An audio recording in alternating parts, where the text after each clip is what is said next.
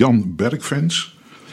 En dan denkt u misschien, nou, die naam heb ik nog niet of niet zo vaak gehoord. Maar in ieder geval, hij is hier. Wij gaan met hem in gesprek. Eh, goedemorgen, hartelijk welkom. Goedemorgen, Johan. Um, wat is de aanspreektitel? Is dat meneer? Is dat pastor? Is dat dominee? Hoe, hoe, hoe ga jij in Horen door het leven? Nou, gewoon als Jan Bergfans. Ja. En ik ben de dominee uh, sinds september hier in het Foreestenhuis, de doopsgezind remonstrantse gemeente. En um, ben, je, ben je doopsgezind? Of ben je, want het is een samenvoeging van doopsgezinden en remonstranten. Misschien moet we direct ook even uitleggen wat dat nou precies inhoudt. Maar ben jij doopsgezind of ben jij remonstrant? Ik ben zelf uh, van remonstrantse huizen. Maar ik vind het juist zo leuk om in een gemeente als die hier in Horen te werken. Omdat die zoveel veelzijdiger is. Juist omdat het een gemeente is waar verschillende bloedgroepen, als je het zo wil noemen, samen zijn gekomen. Ja, ja, nou ja, bloedgroepen. Eh, de doopsgezinden zijn natuurlijk van oudsher. Het zijn, het zijn uh, ja, uh, bijna refo zou ik bijna zeggen. Die zijn van huis uit orthodox. Althans, de doopsgezinden in Amerika. Dat zijn uh, sowieso andere mensen natuurlijk. Maar qua geloof is dat iets anders dan de doopsgezinden in Nederland. Hè? Ja, we zitten hier wel echt aan de vrijzinnige kant van het christendom. Dus uh, het gaat over vrijheid, over verdraagzaamheid, over zelfinvulling geven aan je eigen geloof. En jij bent remonstrants. Dat klopt. Wat is, wat is een remonstrant? ja, een remonstrant kan van alles wezen natuurlijk. Maar um, ja, wij kenmerken ons juist door die persoonlijke geloofsopvatting. Dus vrijheid, verdraagzaamheid zijn voor ons belangrijke termen. En dat geldt natuurlijk voor de hele vrijzinnigheid in, de, in ja. het brede spectrum.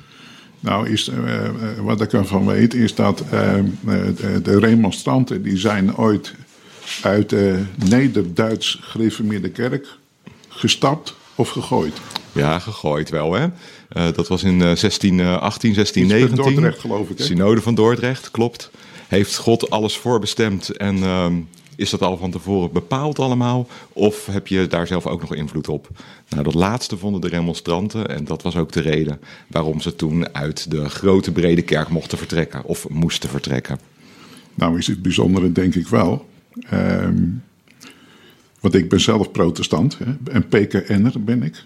Uh, en menige protestantse kerk, ja, die, die zitten eigenlijk op dezelfde lijn die jij net omschrijft. Hè, want al de dogma's die er zijn, die worden, althans ik kan me niet voorstellen dat die in horen, uh, dat die nog op, op geld doen.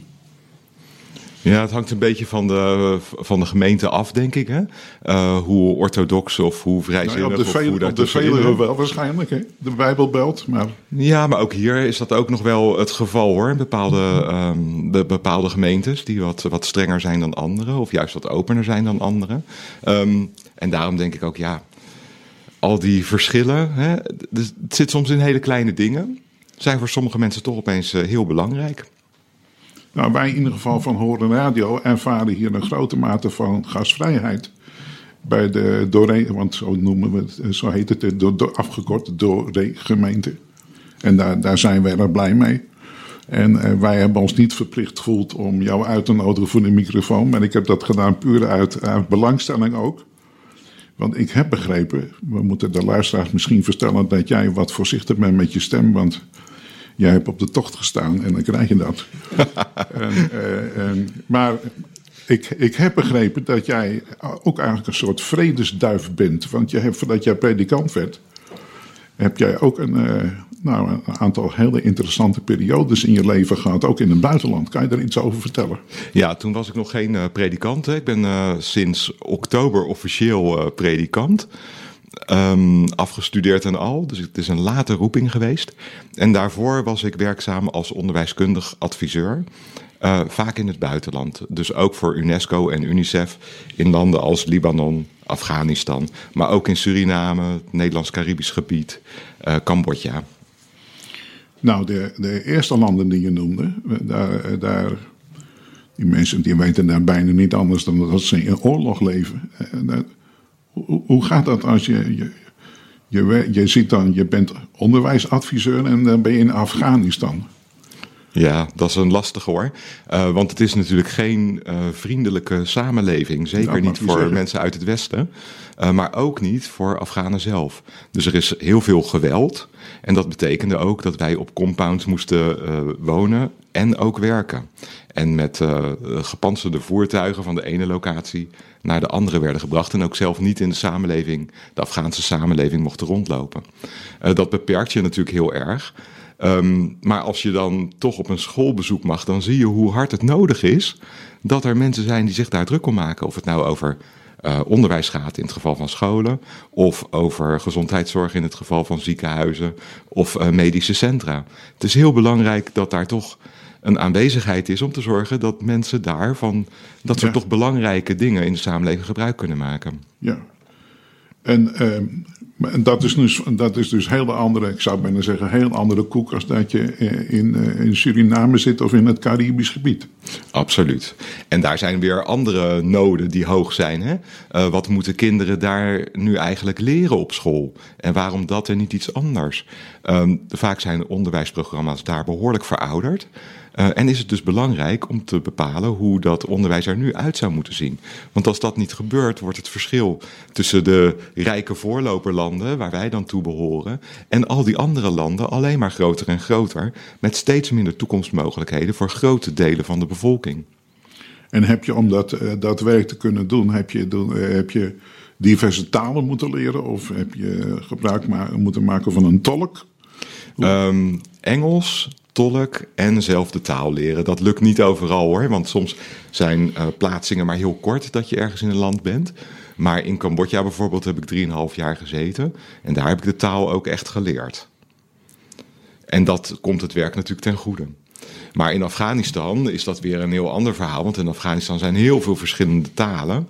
En is de taal ook weer gekoppeld aan de politieke uh, kleur. Um, dus moet je heel erg oppassen welke taal je waar gebruikt. En dan is het weer verstandiger om van een tolk gebruik te maken. Ja, nou, nou ja, dat, dat, waar ik onmiddellijk aan moest denken, je had dat over Cambodja. Toen dacht ik, nou, je had nog een goede kans dat je aan de kook, aan de cocaïne zou raken. Want het is een soort kookland, hè? dat is het imago wat ze hebben. Ja, al die landen waar de overheid natuurlijk zwak vertegenwoordigd is. Dat zeg je goed. Gebeuren een heleboel dingen die daarmee te maken hebben. Dus alternatieve manieren van geld verdienen. Uh, soms uh, vrij en vaak natuurlijk een stuk minder vrij. Ja, daar hou je je natuurlijk verre van. Het, is, het lijkt me wel een enorm interessant als ik, land. Ik ben, ben een fan van het programma Spoorloos. En uh, vooral omdat ik dan ik weet even zo snel zijn naam niet, die, die, uh, een van de redacteuren reist daar naartoe en die gaat dan op zoek naar mensen. En wat, hoe dat in zo'n land en hoe het soms heel grote armoede en zo. En dat vind ik namelijk het belangrijke aspect om dat te zien. En het prachtig als mensen hun ouders weer terugvinden, maar dat, dat ter plaatse zoeken. En dan, dan zie je ook iets van het land. Dat heb jij dus ook meegemaakt. Dat heb ik ook meegemaakt en ook veel gedaan. Hè. Ik uh, ging het liefst voor meerdere jaren naar een bepaalde plaatsing toe. Omdat je dan een land en de mensen daar ook steeds beter leert begrijpen. Um, en je zegt armoede, ja, maar ook levensverhalen. En die levensverhalen die ik daar mocht tegenkomen, hebben denk ik voor een groot gedeelte ook invloed gehad op de keuze om predikant te worden. Want dat gaat ook over levensverhalen. Ja. Um, en armoede zit heel vaak natuurlijk in financiële toestanden, economische omstandigheden. Maar kan ook op, een, op andere vlakken uh, natuurlijk een rol spelen. En dat heb ik daar gezien. Ik heb ook gezien dat mensen met heel weinig geld een stuk gelukkiger zijn of kunnen zijn dan mensen met heel veel geld. Dus armoede bestaat op vele vlakken. En geluk natuurlijk ook. En had je, want dat die vraag komt bij mij boven. Ik kan me voorstellen dat je als je daar werkzaam bent. En dat je dan uh, uh, het gevoel krijgt, een roeping krijgt om predikant te worden. Al, bijvoorbeeld als diaconaal predikant om, uh, om echt aan de, ik zou bijna zeggen, aan de weg te timmeren om de omstandigheden van de mensen te verbeteren. Ja, dat dat is een belangrijk, belangrijk ding. Um, Overigens is het wel zo dat kleinere kerken natuurlijk relatief weinig geld op kunnen brengen voor diaconale toestanden. Maar er zijn andere manieren waarop dat kan. Hè? Ehm, het organiseren van lunches voor mensen die het minder goed hebben, bijvoorbeeld. Iets wat we hier in de kerk ook doen, is een voorbeeld wat je wel kan doen als kleine gemeenschap. Ehm, dus daar ben ik wel degelijk mee bezig ik verdiende natuurlijk zelf relatief gezien veel in, uh, in de landen waar ik werkte. En reserveerde een behoorlijk deel van mijn salaris ook juist om projecten in het land mogelijk te maken daar waar ik ze tegenkwam. Soms was dat een waterput, dan was het materiaal voor een school of een hek om een school, uh, zodat de kinderen niet zomaar de weg op konden rennen. Dat soort dingen kan je natuurlijk zelf heel goed doen. Ja, ja in die zin. Uh zullen menigeen het jammer gevonden hebben dat je ook weer uh, terugging naar Nederland.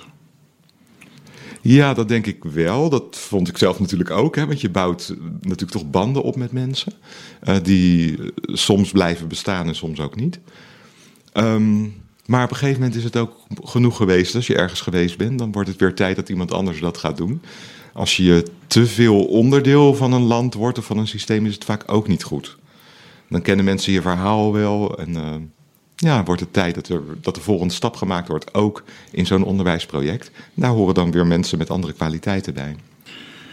Wij zitten in de tuinkamer van het Verheesterhuis met uitzicht op de grote kerk. Het zonnetje schijnt. En uh, ik hoorde de klok. Wat is het toch fijn dat die klok uh, er nog is voor de, de grote kerk. Maar dat is niet het onderwerp van het gesprek, want we hebben Jan Bergfans in de studio. En dat heeft u ook voor de muziek kunnen horen. We hebben het met hem. Hij is predikant van de Doree-gemeente, de doopsgezinde remonstrantse gemeente. En we hebben het gehad over datgene wat hij deed voordat hij de roep voelde of hoorde om predikant te worden. En daar willen we het nu met zijn welnemen over hebben. In ene dacht jij, of je voelde, of je voelde de aandrang. Ik ga theologie studeren. Ik wil predikant worden. Ja, het is, het is natuurlijk een oude wens, hè?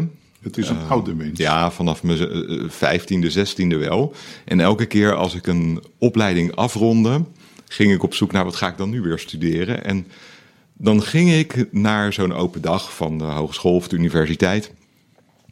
Om uh, te, te, meer te horen over die theologische opleiding. En om een of andere reden stond daar altijd de stand naast van de lerarenopleiding of onderwijskunde, pedagogiek.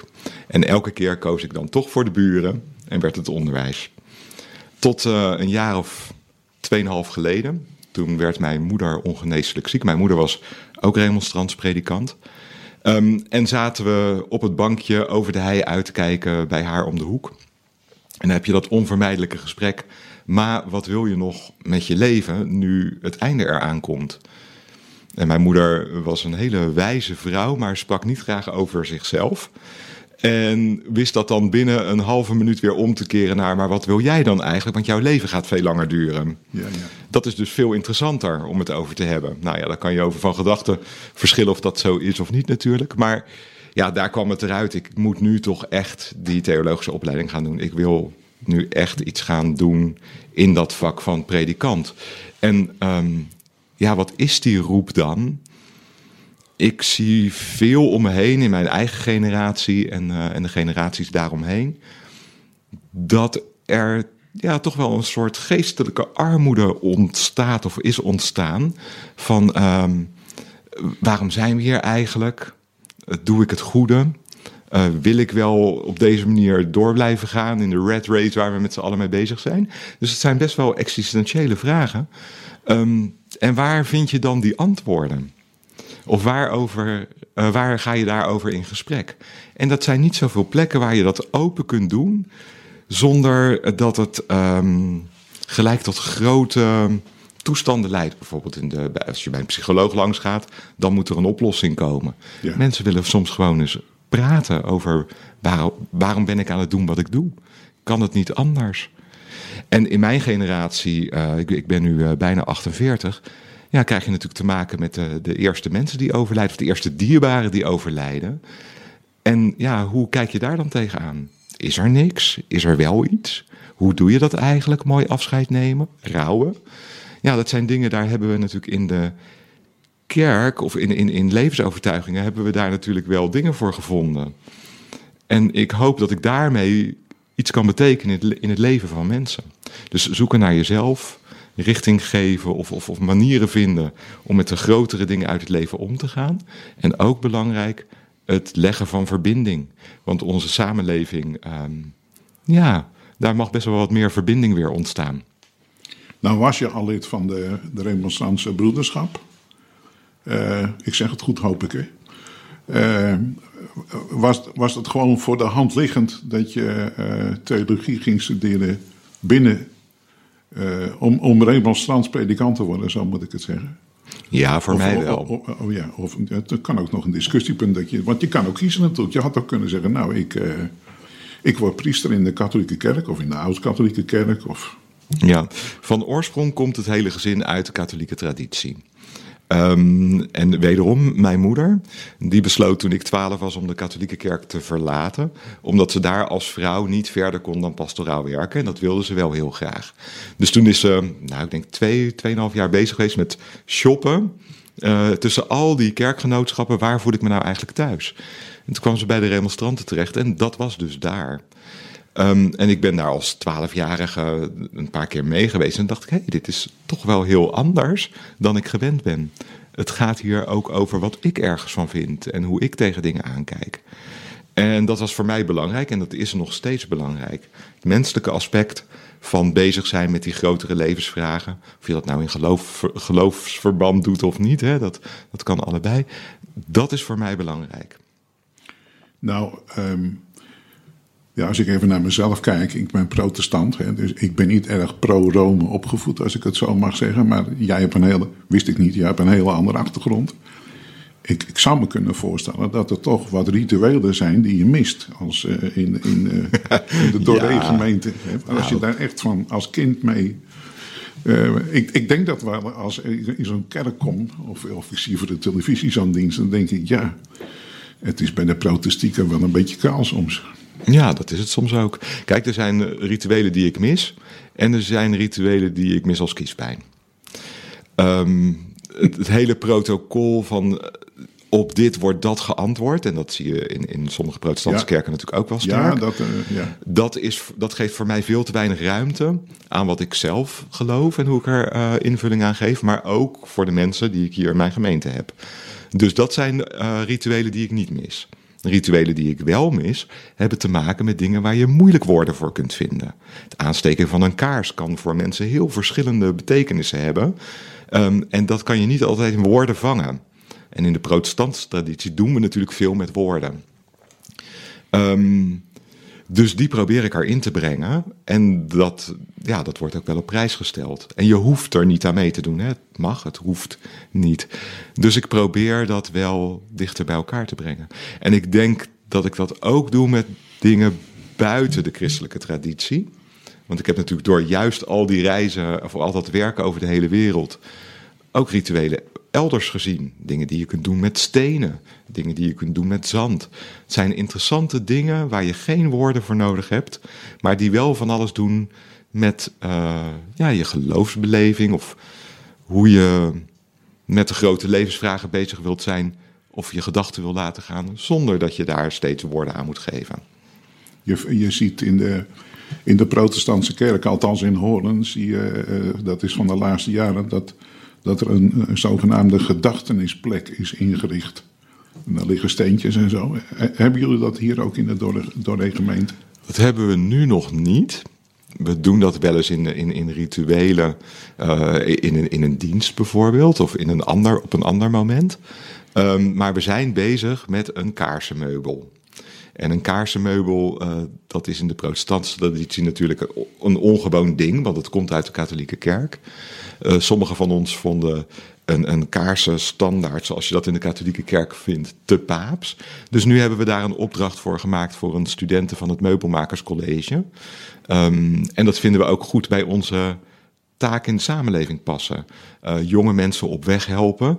Juist door zo'n ontwerp te maken waarop iemand kan afstuderen. En wij kunnen daar natuurlijk ook wat mee, want dat is een meubel dat straks goed bij ons past. Dus op die manier zijn we daarmee bezig. Nou, je ziet talloze veranderingen. Er zijn nog genoeg eh, kerken die door sommigen worden aangeduid als preekschuren. Waar uh, uh, zonder enige franje, waar alleen een kansel is.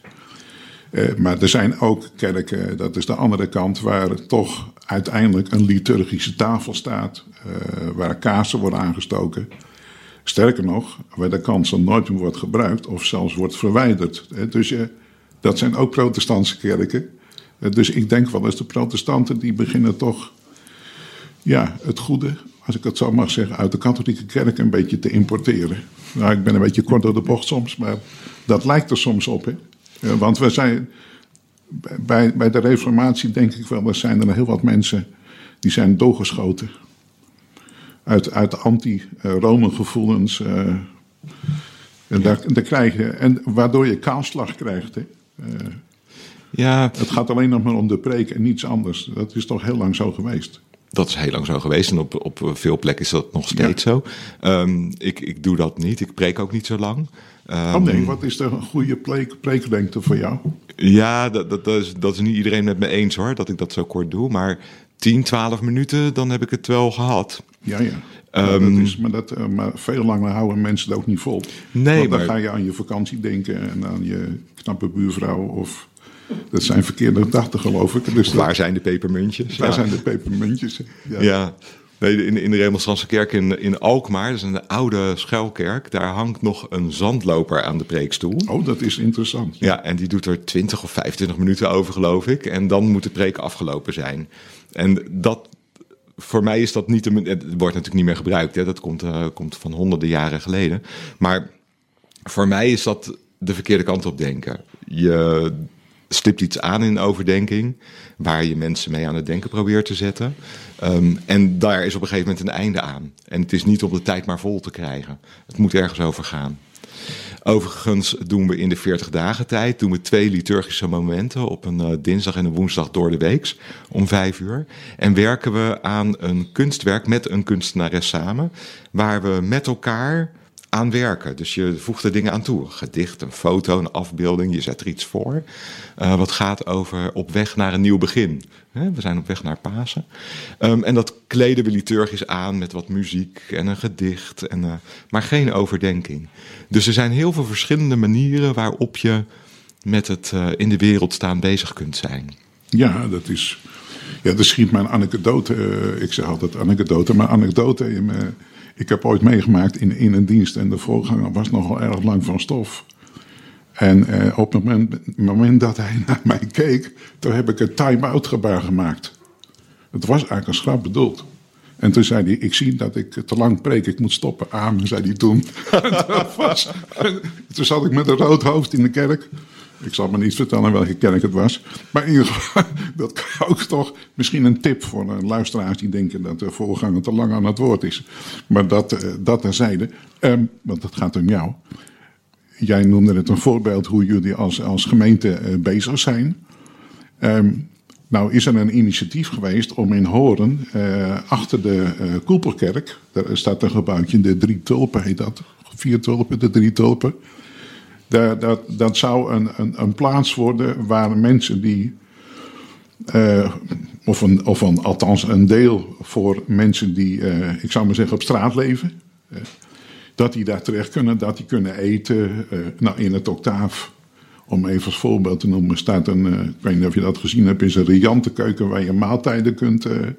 dus menige kerk maaltijden kunt maken. Dus menige kerk in Horen zou als een soort dienst aan de wereld, heette dat met een, een, een, een deftig woord, dat kunnen invullen. Maar jullie doen dat hier, doen dat hier dus al. Ja, we doen dat eens in de, in de maand. Dan komt het straatpastoraat hier. En dan is er een maaltijd voor mensen die op straat leven. Dat wordt nu een beetje opgerekt. Hè. Daar worden meerdere mensen voor uitgenodigd. Uh, die behoefte hebben om samen een maaltijd te delen. Is dat niet een beetje weinig, Jan, eens in de maand? Ja, dat is natuurlijk weinig zeg ik heel voorzichtig, want ik vind het gewoon dat jullie het doen. Maar als je, zoals die mevrouw wat in de krant stond, die, die woont al een maand of langer, leeft die in een auto in Risdal Noord hier. Mm die heeft al vaker behoefte aan een warme maaltijd. Even als voorbeeld, hè, want de meeste kennen wij niet, die zijn onbekend. Ja, dat zijn dingen die we natuurlijk met elkaar heel goed zouden kunnen, uh, kunnen leveren. Hè? Ja. Uh, en ik denk dat je dat, en da daarom vind ik verbinding ook zo'n belangrijk woord. We kunnen dat allemaal vanuit onze eigen traditie of kerk of uh, organisatie doen. We kunnen het natuurlijk ook de krachten bundelen en dat met elkaar aanbieden. Ja. En dat zou ik heel mooi vinden. We hebben hier een raad van. De Raad van Kerken zou dat volgens mij ook oppakken om dat gezamenlijk te doen. Maar dat bij de drie tulpen, dat is. Uh, ja, ik weet niet of de bisschop hem ingegrepen, maar in ieder geval, dat gaat op die plank niet meer door. Dan gaan ze iets anders doen of. Uh, dat weet ik niet. Maar het, dit is een heel belangrijke activiteit. Maar je kunt ook gemeente zijn door, misschien bedoel je dat ook te zeggen, door, uh, uh, je zei het al, zonder dat er een preek is, of een toespraak of een overdenking, zingen, muziek. Dat je als doorregemeente meer aan muziek wil doen. Ik heb gezien dat jullie een mooie piano hebben staan. Dus je kunt met muziek ook veel doen. Ja, we doen ook veel. Hè? We hebben een behoorlijk goed gevuld uh, jaarprogramma. Met allerlei verschillende soorten optredens. Theater, muziek. Um, door de week, in het weekend. En dat is open voor iedereen. Uh, dat vinden we belangrijk omdat dat natuurlijk ook weer verbinding geeft, maar ook ruimte om met andere dingen in het leven bezig te zijn. Juist het denken over wat gebeurt hier nou eigenlijk, of het voelen, wat doet dit nou met me, vinden we belangrijk. Uh, we krijgen bijvoorbeeld op 29 april krijgen we een uh, country uh, blues folkzanger hier. Ik ben heel benieuwd hoe dat zal gaan. Ja. Ehm, toevoeging aan het programma. En juist om dat te doen, uh, er zit wat, net wat meer in die muziek wat je aanzet uh, tot, tot reflectie, tot denken, tot voelen. En dat vinden we dus interessant om aan te bieden. Maar we gaan ook uh, met elkaar naar theater bijvoorbeeld. We lezen het boek Doet Sneeuw Pijn. En we gaan op 1 mei naar de voorstelling hier in het Parktheater. En hebben we daar een nagesprek over. Dat doen we nu ook eens in de maand in, op Cinema Oostereiland. Afspraken gemaakt met, met het filmhuis. we kijken een film in de bestaande programmering en doen daarbij een nagesprek. Want dan, werk je, dan, dan, maak je gebruik van het venster op de wereld dat, dat film kan zijn. Om daarover met elkaar in gesprek te gaan. En dingen van het leven te ervaren die je zelf niet altijd ervaart. Ik weet ook dat jullie de kerk, eh, want het is een kerkzaal. Hè? Het, het, mooie van Vreesdenhuis is dat het geen kerk heet. Het is voor menigeen daardoor laagdrempeliger dan een kerk.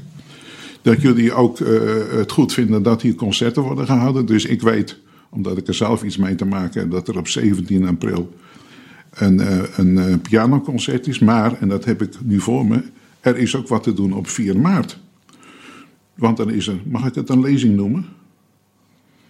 Een, door Bert Keizer. Ja, ja, klopt. Ja. Want ik, ik dacht dat ik vanmorgen van huis ging. Toen dacht ik, ik moet het met Jan hier even over hebben. Want als we nou praten over een actueel iets, dan is dit het wel. Want die, die gaat iets vertellen, die is actief geweest, als ik het goed weet, bij het expertisecentrum euthanasie. Ja, ja dat klopt. Um, die, is, die is bezig met euthanasie, vrijwillig levenseinde, uh, voltooid leven. Hè? En dat zijn de belangrijke onderwerpen die nu bij, bij het wetsvoorstel voltooid leven um, door D66 ingebracht. Gaat het er komen, gaat het er niet komen? Roept natuurlijk van alles op. Hè? Hoe sta je ja. daar nou tegen, tegenover? Um, en wij vinden het belangrijk dat we, dat we daar een platform voor geven. En dat we ook laten zien dat daar ook binnen de christelijke gemeenschap heel breed over gedacht wordt. Hè, soms is het beeld dat dat helemaal onbespreekbaar is. En dat, dat is voor ons in elk geval niet het geval. En heel veel mensen vinden het een beetje eng misschien ook. Ja, dat is het natuurlijk ook. Mag hè? ik daaraan meewerken? Het is een zware verantwoordelijkheid. Ja, dat is ook zo. Um, het is een zware verantwoordelijkheid. Het is ook een verantwoordelijkheid waar je goed over na moet denken. Um, maar soms is het een, een mooie uh, ja, oplossing, wil ik niet, eigenlijk niet zeggen. Maar is het een, een, een manier waarop mensen op een mooie manier afscheid van elkaar en van het leven kunnen nemen? Ja, zeker.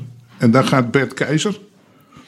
Uh, die gaat daar. Uh, leven is behelpen, is het onderwerp. Dat is wel een mooie titel. Leven is behelpen. Die gaat daar. Uh, ben je er ook bij betrokken bij de voorbereiding? Of is dat een commissie die dat doet? Nee, dat is een commissie die dat doet. Ja. Oké, okay. het is in ieder geval op 4 maart aanstaande in het Voorreestenhuis. En nou ga ik even kijken of mijn apparatuur zo welwillend is. En anders dan, dan doen we dat straks om nog iets meer informatie te vertellen. Hij doet het geweldig. Bert Keizer is gepensioneerd verpleeghuisarts. Hij is ook schrijver en columnist van Trouw en Medisch Contact. Hij is ook werkzaam bij het expertisecentrum euthanasie. Deze avond neemt hij ons aan de hand van ons jaarthema Verlangen naar de ander. Van waar komt mijn hulp? Dat neemt hij mee in zijn leven en werk. Nou, dat gaat hij doen in het Verleesters, daar gaat hij over spreken. Dat, ik kort het nu even in. Uh, dat begint in ieder geval uh, om 8 uur en de toegang bedraagt 5 euro. Maar ja, dan krijgt u ook nog koffie. Dus dat uh, is een koopje. Dat kunt u allemaal doen op 4 maart. Nou, ik, ik vond dat ik het toch even moest noemen. Heb je, want je bent nog maar kort predikant. Hoe bevalt dat trouwens, predikant? Want je bent nog maar kort. We zitten net te praten alsof je dat al jaren doet. Maar... Ja, ja, hier ben ik dat kort, hè, sinds september. Uh, en in mijn andere gemeente doe ik dat nu ruim een jaar. Met op allebei de plekken. Dit is je tweede gemeente al? Ja, ja dit zijn kleine gemeentes. Hè? Op part-time doe je dit? Ja, hier ben ik twee dagen en een oude wetering slechts een halve dag. Een oude wetering, oké. Ja. Dat is ergens uh, onder Schiphol, hè? Klopt, ja. ja. Maar het is ontzettend mooi werk. En het is ook heel veelzijdig werk. Het gaat over de diepste angsten en verlangens van mensen. Maar ook over het organiseren van, uh, van, uh, van leuke evenementen. Uh, waar veel mensen op afkomen of wat minder mensen, maar waar we op een goede manier met elkaar over in gesprek zijn. Dus het is veelzijdig, het is leuk, het is boeiend. En moet je nou niet veel kilometers maken? Want ik begrijp dat dit ook een min of meer een soort streekgemeente is, hè? Ja, ik zit ontzettend veel uh, in de trein en ik fiets me helemaal suf, maar dat doe ik met alle plezier. Want ik, ik kreeg zelfs een mail uh, over die 4 maart en, en die mail komt uit Petten. Kun je nagaan. Ja, dus als je op huisbezoek wil, dan, uh, dan, dan moet je een stukje, weet je, ik zag net een vouwfiets, dan ben je even onderweg. Ja, ja, nou gelukkig zijn er ook veel mensen die me willen helpen met uh, op de ene plek of op de andere plek uh, terechtkomen.